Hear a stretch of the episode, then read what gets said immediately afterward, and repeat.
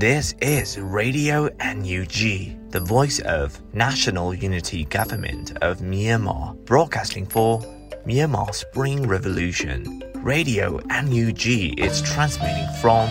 shortwave 16 meter 17.79 megahertz at 8:30 a.m. and 25 meter 11.94 megahertz at 8:30 p.m. Myanmar Standard Time. မင်္ဂလာပါခင်ဗျာ အမျိုးသားညီညွတ်ရေးအစိုးရရဲ့အတန်လွင့်ဌာန Radio NUG ကိုမနက်ပိုင်း၈နာရီခွဲမှာလိုင်းတို16မီတာစက္ကန့်တက်သမ9 MHz ညပိုင်း၈နာရီခွဲမှာလိုင်းတို25မီတာ17တက်သမ6 MHz တို့မှာဓာတ်ရိုက်ဖမ်းယူနိုင်နိုင်ပါပြီမင်္ဂလာအပေါင်းနဲ့ပြည့်စုံကြပါစေအခုချိန်ကစပြီး Radio NUG အစီအစဉ်တွေကိုဓာတ်ရိုက်အတန်မြင့်ပေးနေပါပြီ။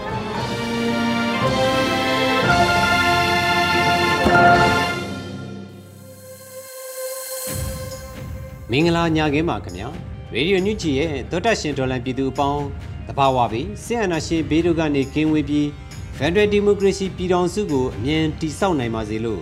ရေဒီယိုညူဂျီဝိုင်းတော်သားများကဆုတောင်းမြတ်တာပို့သလိုက်ပါတယ်ခုချိန်ကစပြီးရေဒီယိုညူဂျီရဲ့ဇူလိုင်လ20ရက်နေ့ညပိုင်းအစီအစဉ်တွေရဲ့ပထမဆုံးအနေနဲ့ပြည်တွင်းသတင်းများကိုရွေဦးမိုင်ကဖတ်ကြားတင်ပြပေးပါတော့မယ်ခင်ဗျာ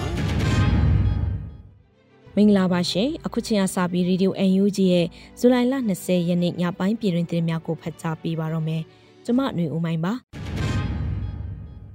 ပထမဆုံးသတင်းအနေနဲ့အကြမ်းဖက်စစ်ကောင်စီကဖြက်လေးဖြက်နီးကိုအုံပြုပြီးမြန်မာပြည်သူလူထုတရက်လုံးအပေါ်ငတ်မွတ်ခေါင်းပါခြင်းနဲ့ယောဂများကိုလက်နက်တပ်ဖွဲ့အုံပြုအကြမ်းဖက်တဲ့သတင်းကိုတင်ပြပေးချင်ပါတယ်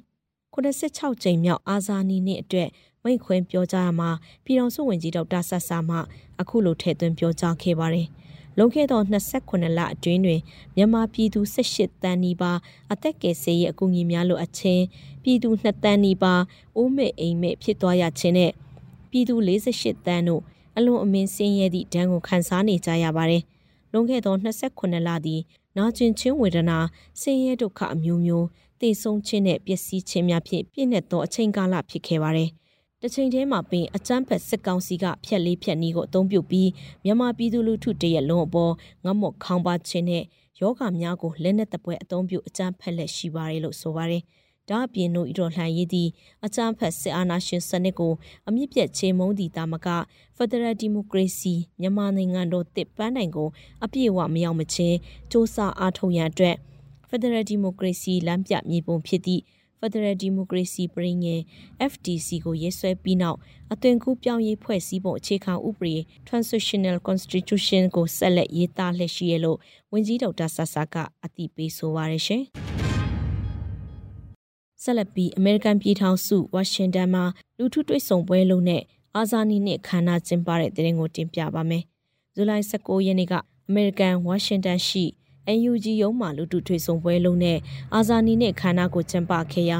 NUG ဝင်ကြီးများနဲ့ဒေါ်လှိုင်းအင်အားစုများတက်ရောက်ခဲ့ကြပါတယ်။အခမ်းအနားကိုပြည်ထောင်စုဝင်ကြီးများဖြစ်ကြတဲ့ဒေါက်တာဝင်းမြတ်အေးဒေါက်တာဇော်ဝေဆိုးဦးထင်လင်းအောင်ဒုတိယဝင်ကြီးများဖြစ်ကြတဲ့ဦးမူဇော်ဦးဦးအောင်ကျော်မိုးတို့ပါဝင်တက်ရောက်ခဲ့ပါတယ်။ထို့ပြင်ဒေါက်တာစိန်ဝင်းနဲ့ဒေါက်တာမီမီဝင်းဘတ်တို့မှလည်းအောက်မေ့စကားနဲ့အမှတ်တရစကားပြောကြားခဲ့ပြီး ပါစတာဆိုလာထူကနောက်ဆုံးပိတ်ဆုတောင်းမြတ်တာပို့ပေးခဲ့ပါတယ်ရှင်။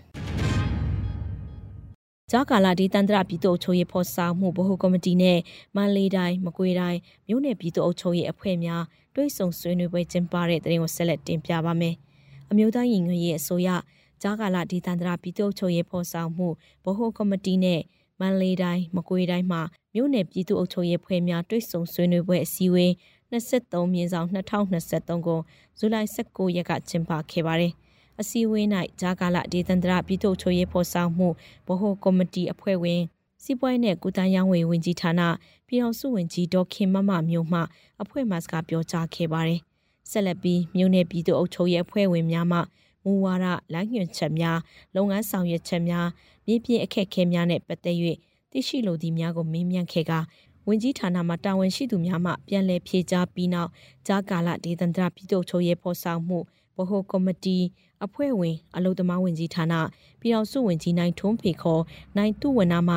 ညီကုန်းချုပ်စကားပြောကြားခဲ့ပါတယ်အဆိုပါတွေ့ဆုံပွဲသို့ပြည်ထောင်စုဝန်ကြီးများဒုဝန်ကြီးများအမြဲတမ်းအတွင်းဝင်များတွဲဖက်တွင်းဝင်များဌာနဆိုင်ရာများမှတာဝန်ရှိသူများနဲ့မန္တလေးတိုင်းမကွေးတိုင်းမှမြို့နယ်ပြည်သူ့အုပ်ချုပ်ရေးအဖွဲ့ဝင်များတက်ရောက်ခဲ့ကြပါတယ်ရှင်။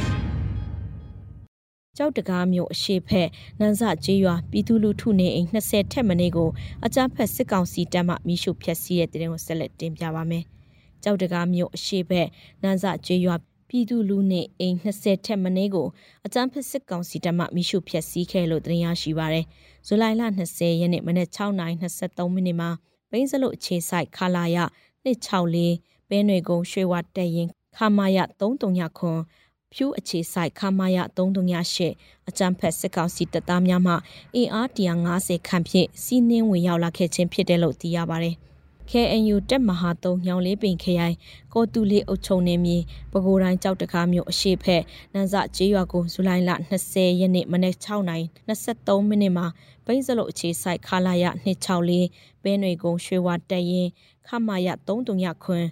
ဖြူအခြေဆိုင်ခမာယ338အကြမ်းဖက်စစ်ကောင်စီတပ်သားများမှအင်အား150ခန့်ဖြင့်စီးနှင်းဝင်ရောက်လာပြီးနာဇကျွေးရွာအပြစ်မဲ့အယက်သားပြည်သူများစီကငွေကျပ်38သိန်းနဲ့ဖုန်းဆက်တလုံးကိုလူယူခဲ့တယ်လို့သိရပါတယ်။ထို့နောက် PDF များခိုအောင်သည်ဟုဆိုကာပြည်သူလူထုနေအိမ်အလုံး20ကျော်ကိုမိရှုဖျက်ဆီးသွားခဲ့တယ်လို့တင်ရရှိပါတယ်။ကြောက်တကားမြို့နယ်အတွင်းစစ်ကောင်စီတပ်များကိုကြောက်လန့်ပြီးထွက်ပြေးတိမ်းရှောင်နေရသောအပြစ်မဲ့ပြည်သူ 4582ဦးကျေးရွာပေါင်း38ရွာအထိရှိလာပြီဖြစ်ပါတယ်ရှင်။ထီလင်းမြို့နယ်မှာအင်တာနက်လိုင်းဖြတ်တောက်ခံထားရတဲ့သတင်းကိုနောက်ဆုံးတင်ပြပေးချင်ပါတယ်။မကွေတိုင်းထီလင်းမြို့နယ်အခက်ခဲနဲ့ပတ်သက်လို့ထီလင်း PDF ကအခုလိုအသိပေးဆိုပါရယ်။ထီလင်းမြို့နယ်နေရအတော်များများမှာအင်တာနက်လိုင်းဖြတ်တောက်ခံထားရတာခုဖြစ်ပြီးတိတ်မကြကလေးကခုချိန်ထိပါပဲ။ဖုန်းလိုင်းလဲရွာအချို့ပဲရပါတယ်။ ဝေဟင်တိုက်ခိုက်မှု၃ကြိမ်ရှိခဲ့ပါတယ်။အကြည်ပန်းရွာဟာပြီးခဲ့မေလမှာရွာလုံးကျွတ်နီးပါမိရှုဖြက်စီးခံခဲ့ရပါတယ်။ဝရင်ချိုင်ကြားခဲထမ်းပင်ကုန်းစားတဲ့မိရှုခံရတဲ့အခြားရွာတွေလည်းရှိပါသေးတယ်စစ်ကြောင်းအခြေအနေပေါ်မူတည်ပြီးတိန့်ရှောင်ရတဲ့အတွက်အချိန်ခါလိုက်စစ်ဘေးရှောင်တွေရှိပါတယ်လို့ဆိုပါတယ်ဒါအပြင်စစ်သွေးလမ်းပိုင်းတွေမှာ ကားတွေပေါ်တာဆွဲခံရတာနဲ့စစ်ချောင်းခံတာတွေရှိတဲ့အတွက်ကုန်စည်စီးဆင်းမှုခက်ခဲကြောင်းထီလင်းတက်ရင်ကပြည်သူရဲဘော်တွေဟာအခြားမဟာမိတ်အဖွဲ့တွေနဲ့အတူထီလင်းမြို့ထဲထိဝင်ရောက်တိုက်ခိုက်နိုင်ခဲ့ပြီးစစ်ကောင်စီဘက်က15ဦးအထိသေဆုံးကစေးတပ်သားတအူးအပါဝင်ပြည်သူရဲဘော်9ဦးလည်းမြင့်မြတ်စွာအသက်ပေးလှခဲ့ရတယ်လို့ဆိုထားပါတယ်ရှင်။အခုတင်ပြခဲ့တဲ့သတင်းတွေကိုဗီဒီယို UNG သတင်းထောက်မင်းတီဟာကပြပို့ထားတာဖြစ်ပါတယ်ရှင်။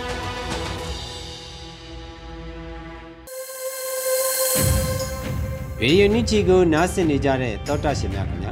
အခုတစ်ခါမှာတော့ရေဒီယိုညူချီအင်တာဗျူးအစီအစဉ်မှာဗိုလ်ကြီးဦးနေမျိုးစင်နဲ့မေးမြန်းချက်ကိုမင်းတီဟန်ကမေးမြန်းတင်ဆက်ပေးထားပါတယ်ခင်ဗျာမင်္ဂလာပါခင်ဗျာလက်ရှိຫນွေဦးတော်လိုင်းရေးမှာစီရေးအရှိန်မြင့်လာလေလေစစ်တပ်ထောက်ခံသူတွေနဲ့ Telegram Channel တွေကနေသတင်းတုသတင်းရောက်နေဘာကြောင့်ပုံမူထုတ်လွှင့်လာတယ်လို့ထင်မြင်ပါတယ်ဆရာ ဟုတ်ကဲ့လက်ရှိຫນွေဦးတော်လိုင်းရေးမှာပြည်သူခုခံတော်လှန်စစ်ဘက်ကစီရေးအရှိန်မြင့်လာလေလေစစ်တပ်ထောက်ခံတဲ့သူအကြမ်းဖက်ဖက်စစ်တပ်ထောက်ခံသူတွေနဲ့ Telegram Channel တွေကသတင်းတုသတင်းရောင်တွေဘာကြောင့်ပုံမူထုတ်လွှင့်လာတယ်ဆိုရင်ဒီသူတို့ကကျင့်သုံးနေတာဟာ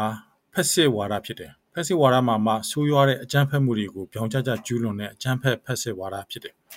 အကြမ်းဖက်ဖက်စစ်အာဏာရှင်ဝါဒဆိုတဲ့အတွက်ကြောင့်သူတို့တွေရဲ့စနစ်ကိုတိဆောက်ဖို့အတွက်အမှန်နဲ့တရားကိုအခြေပြုလို့မရပါဘူး မှားယွင်းတဲ့သူတို့လှုပ်ဆောင်ချက်တွေကိုဖုံးဖို့ဖိဖို့နဲ့အသိပညာစင်ကြင်လုံးတရားအားနည်းတဲ့ပြည်သူတွေကိုလိန်ညာလှည့်စားဖို့အတွက်ဖက်စစ်အာဏာရှင်ဟစ်တလာတော်မှသူ့ရဲ့နောက်ဆုံးအချိန်သူကိုယ်တိုင်ခံကရုတ်ချင်းတွေကနေမထွက်ရတော့တဲ့အခြေအနေမှာတော့မှမဟာမိတ်တပ်ဖွဲ့တွေဟစ်တလာတပ်စခန်းနောက်ရောက်တဲ့အချိန်မှာတော့မှသူကဘာလုပ်နေတယ်လဲဆိုရင်ဘာမှမဖြစ်တဲ့အောင်ဟန်ဆောင်ပြီးတော့သူ့တပ်ဖွဲ့ဝင်တွေကိုဂုံပြုတ်တဲ့အထူးသူရဲကောင်းစုတစိတ်တွေကိုချီးမြှင့်တဲ့အခမ်းအနားကလေးလေးတွေကိုလွဲကြော်တဲ့မှိုင်းတိုက်တဲ့မိကွန်းစကားပြောကြတဲ့အစီအစဉ်နဲ့ သတင်းတူသတင်းရောင်တွေကိုထုတ်လွှင့်ခဲ့သေးတာတမိုင်းမှာထင်ရှားရှိပါတယ်။လက်ရှိအကြမ်းဖက်စစ်ကောင်စီရဲ့သူသွားနေတဲ့စီရေးနိုင်ငံရေးမဟာဗျူဟာတွေကိုနောက်ွယ်ကအကြံပေးစီစဉ်နေတဲ့ဥဆောင်သူပဲ့ပြင်သူတွေကလည်းပဲ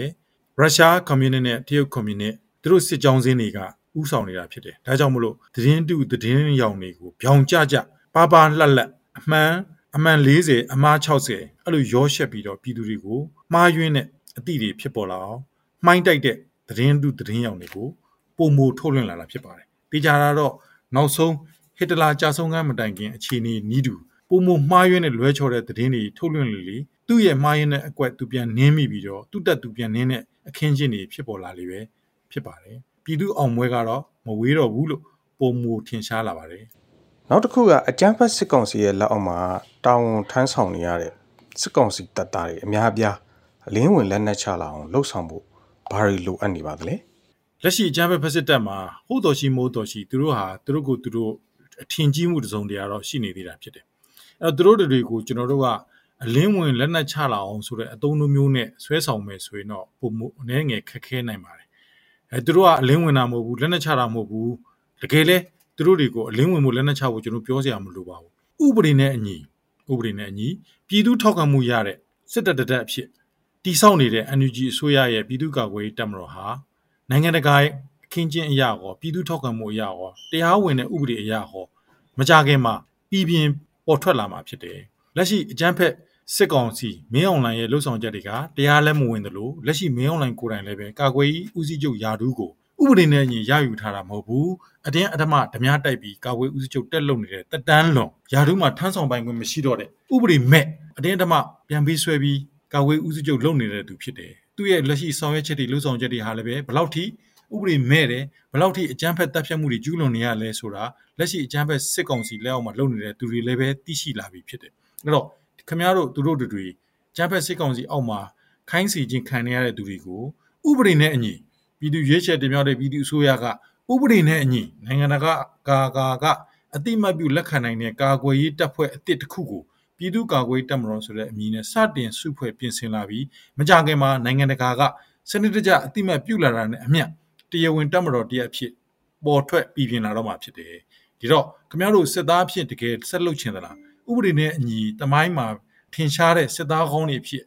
ထင်ကြံခဲ့ကြင်သလားအကြမ်းဖက်ဖက်စစ်စစ်ကောင်စီလက်အောက်မှာဆက်ပြီးလှုပ်လှုပ်နေမဲ့အစားပြည်သူ့ကာကွယ်ရေးတပ်ရှိကိုဥပဒေနဲ့အညီလာရောက်ပြီးတော့ကူးပြောင်းတာဝန်ထမ်းဆောင်ပါလို့ဖိတ်ကြားမယ်ဆိုရင်တော့ သူတို့တွေရောက်လာနိုင်မှုရှိပါတယ်။တိုးတော့ဖိတ်ကြားမဲ့သူတွေကိုယ်တိုင်ကတကယ့်ကိုပဲသူတို့အထင်ကြီးလေးစားတဲ့ပုံရိပ်ရှိသောစစ်တပ်ခေါင်းဆောင်များစစ်ခေါင်းဆောင်များဖြစ်ဖို့လိုတယ်။သူတို့တွေအထင်ကြီးလေးစားတဲ့ဖိတ်ကြားမှုမျိုးဖြစ်ဖို့နိုင်ငံတကာအခင်းချင်းရဲ့ပြည်ပြင်းတဲ့ထောက်ခံမှုတွေကိုရရှိနိုင်စွမ်းရှိဖို့လိုတယ်။သူတို့ထင်ကြီးလေးစားလောက်တဲ့စီရေးစွမ်းဆောင်ရင်ရှိတဲ့သူတွေကိုယ်တိုင်ဖိတ်ကြားမယ်ဆိုရင်တော့ရောက်လာစရာရှိပါတယ်။ဒီနေဦးတော်လန်ကြီးမှာစစ်ကောင်စီကရှုံးနေနေပြီလား။ ဘယ်အချက်တွေကသူတို့ရှုံးနေနေပြီလို့ပြောလို့ရပါသလဲဆရာခင်ဗျ။ရှုံးနေနေပြီဆိုတာသိကြပါတယ်။ထင်ရှားဆုံးကတော့သူတို့ရဲ့စစ်တိုင်းမှုအဆင့်ထိကိုသူတို့ကိုယ်တိုင်ဖမ်းဆီးအရေးယူရတဲ့အဆင့်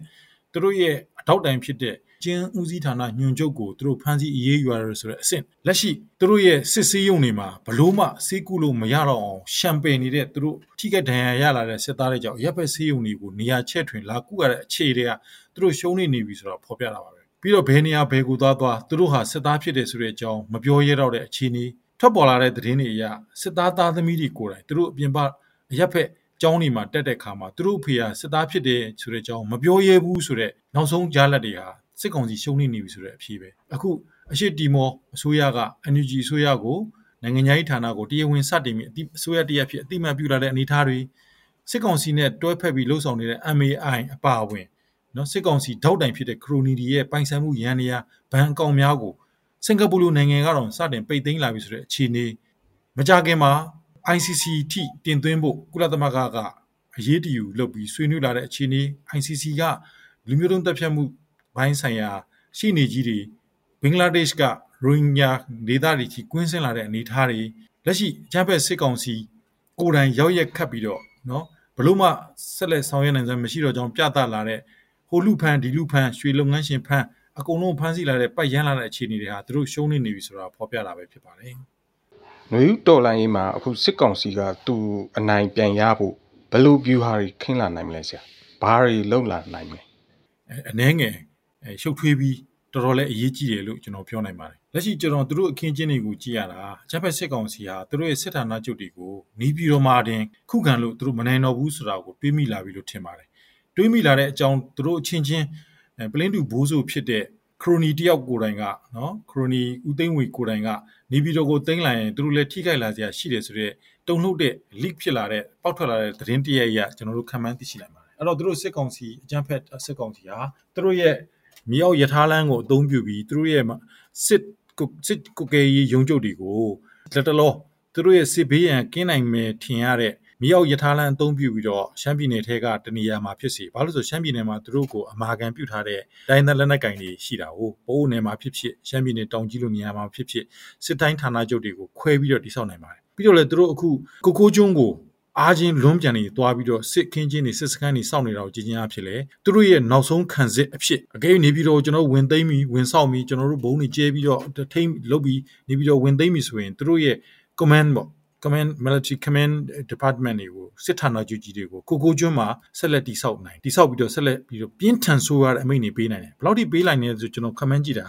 အခုသူတို့မျိုးပြတွေမှာအခိုင်အမာတိဆောက်နေတဲ့ဘန်ကာတွေရှိတယ်ဘန်ကာတွေ concrete ဘန်ကာတွေပေါ့အပေါက်ချင်းချင်းလေးနဲ့ဆက်တနတ်တွေကိုထည့်သွင်းထားတယ်အဲ drone drone ပစ်ချတဲ့ anti gun တွေအပါအဝင်ကိုတေချာပတ်ပတ်လဲသူတို့ဌာနချုပ်စစ်ဌာနချုပ်တွေနဲ့ရဲစခန်းတွေအုပ်ချုပ်ရေးစခန်းတွေအဲ့ဒီမှာအမာခံသူတို့နောက်ဆုံးခံစစ်တွေနဲ့ခင်းဖို့လုပ်ထားတာရှိတယ်အဲ့ဒီမှာလဲသူတို့ခန့်ဖို့စစ်သားတွေ မရှိတော့အင်အားတွေမရှိတော့ဘာလုပ်လဲဆိုတော့ဦးနာကျိုးကန်းတွေစစ်မှုထမ်းဟောင်းတွေနောက်မူးမလဲမလဲမဝဲနဲ့ခေါ်ခန့်ထားတဲ့ကောင်တွေကိုသူကစက်တနတ်တွေကြီးစံအပြည့်နဲ့ဘယ်လိုမျိုးဖြစ်နိုင်လဲဆိုတော့ဒုတိယကမ္ဘာစစ်တုန်းကဂျာမန်ဖက်စစ်တွေကကန်ဒီကန်တက်လာမဲ့တပ်တွေကိုသူတို့အခိုင်အမာခန်းစခန်းတွေချပြီးဝင်သိမ်းနေချိန်မှာကျွန်တော်တို့တွေ့ရတယ်မလားရုပ်ရှင်တွေမှာရောတကယ်ဖြစ်ရမှန်မှတ်တမ်းတွေ document ဆွမှန်တွေ့ရတယ်မဟုတ်လားအဲ့ဒီဘန်ဘာစခန်းတွေထဲမှာဘာဖြစ်လာလဲဆိုတော့ကျိုးချီထားတန်ကျိုးတွေနဲ့ချီထားပြီးစက်တတက်တွေနဲ့အပြည့် မွေးစေးတော်လကောင်စိတ်ကြောစေးတော်လကောင်ပေးထားပြီးတော့ဗောအဲ့ဒီတော့မွေးစေးတော့ရှိချင်မှရှိမှာပေါ့ဗျနော်ကျိုးချီထားပြီးတော့နောက်ဆုံးအသေးခံတန်ကျိုးနဲ့ချီထားစက်တနက်အပြည့်ပေးထားတယ်အဲအဲ့လိုပုံစံမျိုးကိုအတူယူပြီးတော့အခုမြို့ပြတွေရန်ကုန်မြို့တို့နေပြည်တော်တို့မန္တလေးတို့အဲ့ဒီအချက်ချာကြတဲ့မြို့ကြီးတွေမှာတန်ကျိုးချီခံထားရတဲ့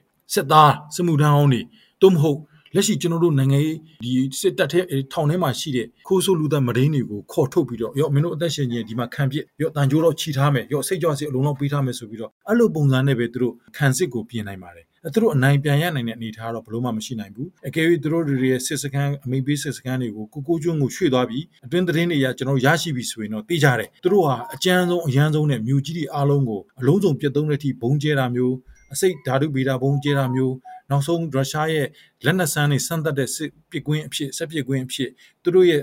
ထူးခြားတဲ့နောက်ဆုံးတည်ထွင်ထားတဲ့လက်နက်တွေကိုလာရောက်ဆန်းသက်ရပစ်ကွင်းဖြစ်မြို့ကြီးတွေကိုအသုံးပြုလာနိုင်တယ်ရှိပါတယ်အဲလောက်ဒီဆိုရတဲ့အနေအထားတွေအထိကိုအကြံဖက်စစ်ကောင်စီကလှုပ်လာနိုင်တယ်လို့ကျွန်တော်ယူဆသုံးသပ်တွေ့ရှိပါတယ်အဲ့တော့တတိကြီးကြီးထားပြီးတော်လိုင်းအမြန်ပြည့်ပြတ်ဖို့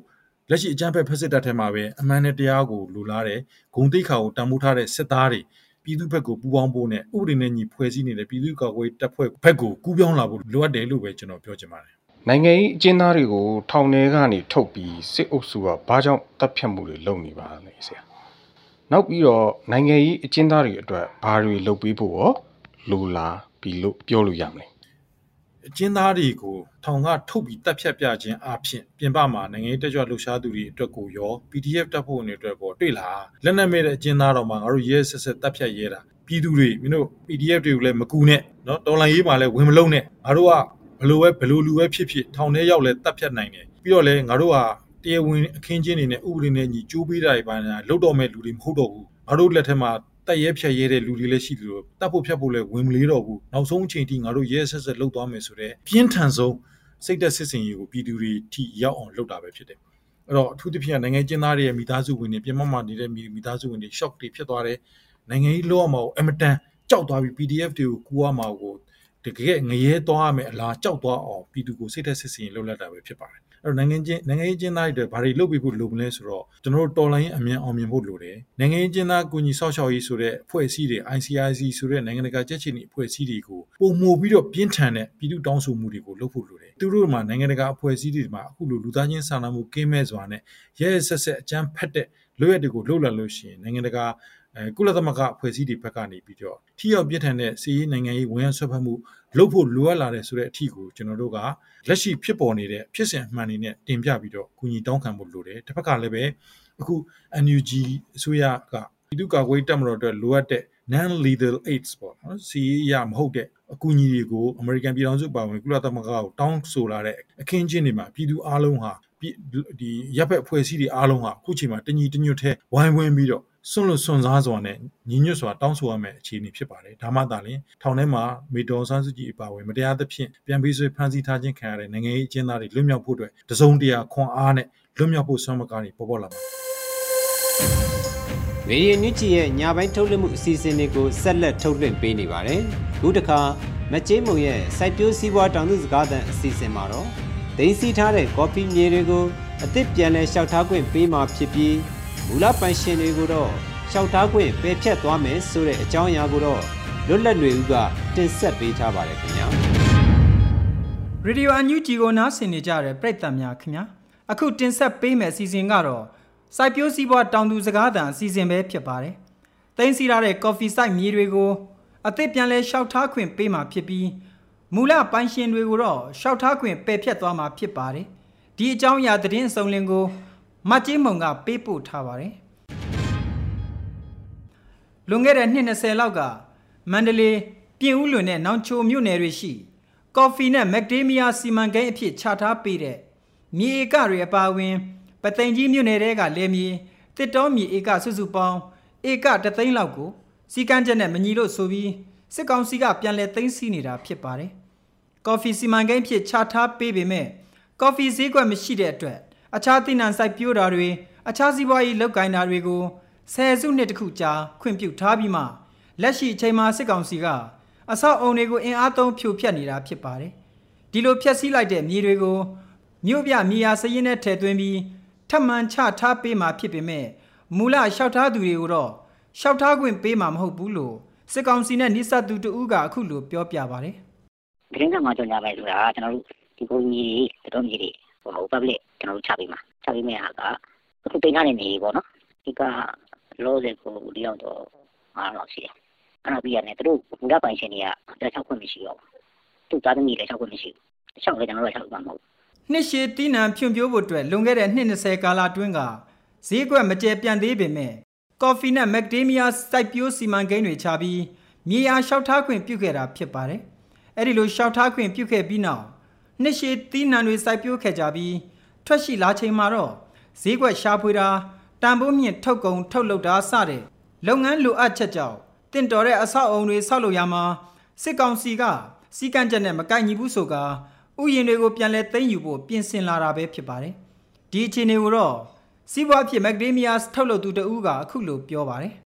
ဖြစ်ထွန်းနေတဲ့တောင်သူတွေအနေနဲ့ကတော့ဖြတ်ပေးရမယ်ဆိုတာလုံးဝမဖြစ်တဲ့ကိစ္စပေါ့နော်။ဟိုဟိုဘက်ပိုင်းမှာတော့တချို့ကဖြစ်ထွန်းအောင်မဆိုင်လို့ဆိုတာတော့ရှိတယ်ရှိရှိကောင်းရှိနေပေါ့။ရှိရှိရှိတဲ့တချို့ဟာတွေလည်းရှိတယ်လို့တော့ကိုကြားတယ်ကိုလည်းတိကျတော့မသိဘူးအန်တီတော့တိကျမသိဘူးပေါ့နော်အဲမဝါတို့နဲ့အန်တီတို့ကတခုမှတစ်ခုတည်းပဲအန်တီတို့နဲ့အတူတူပဲလေဒီနောက်ဆုံးအမခမှာပဲတခြား private sector လည်း90ကျော်လောက်ရှိတယ်လေ52ဦးလောက်ရှိတာပေါ့နော်အဲအားလုံးပေါင်းစုစုပေါင်းပေါ့ အားလုံးအဲ့လိုစုပေါင်းဆိုင်နေတာဧက1000ကျော်စီမံကိန်းမှာသူတို့လည်း product ထုတ်နေတာပဲအန်တီလည်း product ထုတ်နေတာပဲနောက်ပြီးတော့နောက်တစ်ယောက်လည်း product ထုတ်တယ်မကဘူးဒီထဲမှာ၄ဦးလောက် product ထုတ်နေတယ်စစ်အာဏာရှင်လက်ထက်လွန်ခဲ့တဲ့နှစ်20ကျော်ကတည်းကကော်ဖီနဲ့မက်ဂဒေးမီးယားစိုက်ပျိုးဖို့စိုက်ပျိုးရေးဦးစီးဌာနကတစ်တော်မြေတွေကိုလွှဲပြောင်းရယူပြီးချထားပေးခဲ့တာဖြစ်ပါတယ်။အဲ့ဒီမြေတွေမှာတတ်မှတ်ထားတဲ့တိနံစိုက်ပျိုးကြတာမရှိဘဲအခြားစီးပွားရေးလုပ်ကင်ကြသူများရှိသလို တတ်မှတ်ထားတဲ့တိနံကိုစိုက်ပျိုးပြီးလိုအပ်တဲ့အဆောက်အုံများဆောက်လုပ်ထားတဲ့ခြံရှင်များကိုပါစီကန်းချက်နဲ့မကိုက်ညီကြောင်းဆွဆွဲပြီးခြံတွေကိုလက်နက်ကင်အဆောက်အအုံတွေခြံရံပြီးအဆောက်အုံတွေကိုဖျက်ဆီးလာတာဖြစ်ပါတယ်။အခုတင်ဆက်ပေးခဲ့တဲ့မြေပြင်သတင်းအကြောင်းအရာတွေကိုတော့ရေဒီယို UNG သတင်းတောက်မတ်ကြီးမုံကပေးပို့တာဖြစ်ပါတယ်ခင်ဗျာဒေါက်တာရှင်များခင်ဗျာရေဒီယိုညချီရဲ့ညပိုင်းထုတ်လွှင့်မှုရဲ့နောက်ဆုံးအစီအစဉ်အနေနဲ့ဒိုင်းနာဘာသာစကားထုတ်လွှင့်မှုမှာ ဒီယနီကရားဘာသာဖြင့်တပတ်အတွင်းသတင်းများကိုခူးတွေကဖတ်ကြားတင်ပြပေးတော့မှာဖြစ်ပါတယ်ခင်ဗျာ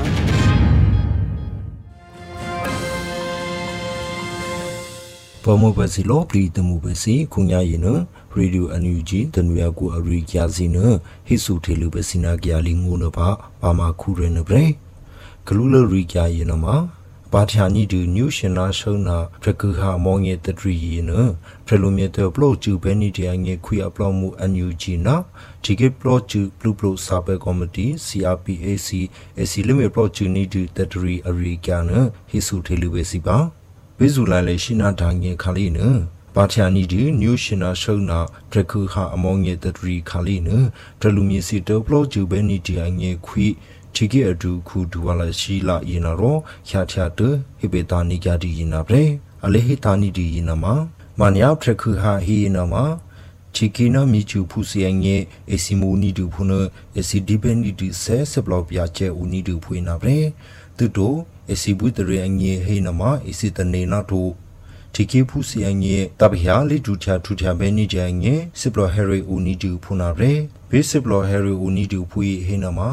အနီဒူနာဖရခခဟူနာရောဒါယူတဲ့ညာနီဒူဖုနတီကေအဒူခုဒူဝလာရှိလာရင်နာရောအဟိကန်နီဒီနာပဲ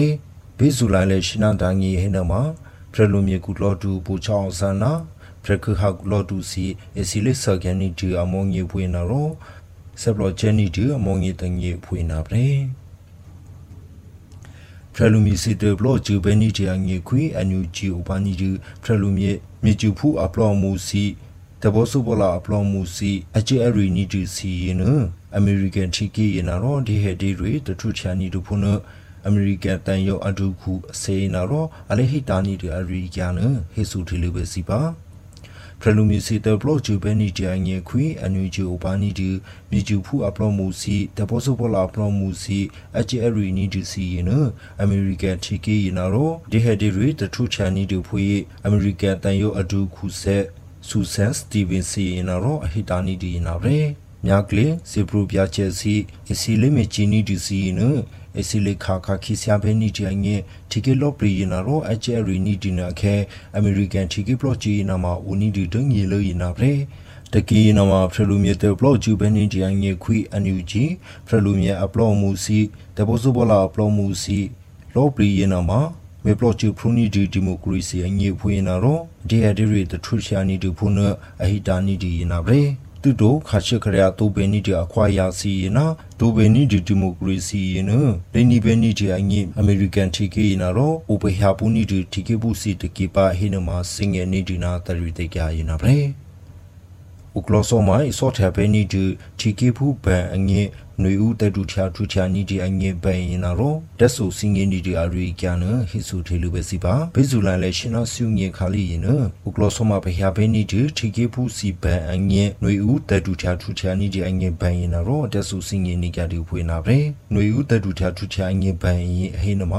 မြာချီကေအငေခလူလတပူပူလာအိုနီဒီ တဘောရှာဦးနီဒူဖွေနာရောအမေဆေနီဒီနာဒီဂျစ်တယ်အကလကလိုဘန်ဖွေနာဗရေအမီနီဒီနာတဲ့ဘောရှာအဒူအကလကလိုဖွေနာရောဒီကေဖူစီရူရယာစီန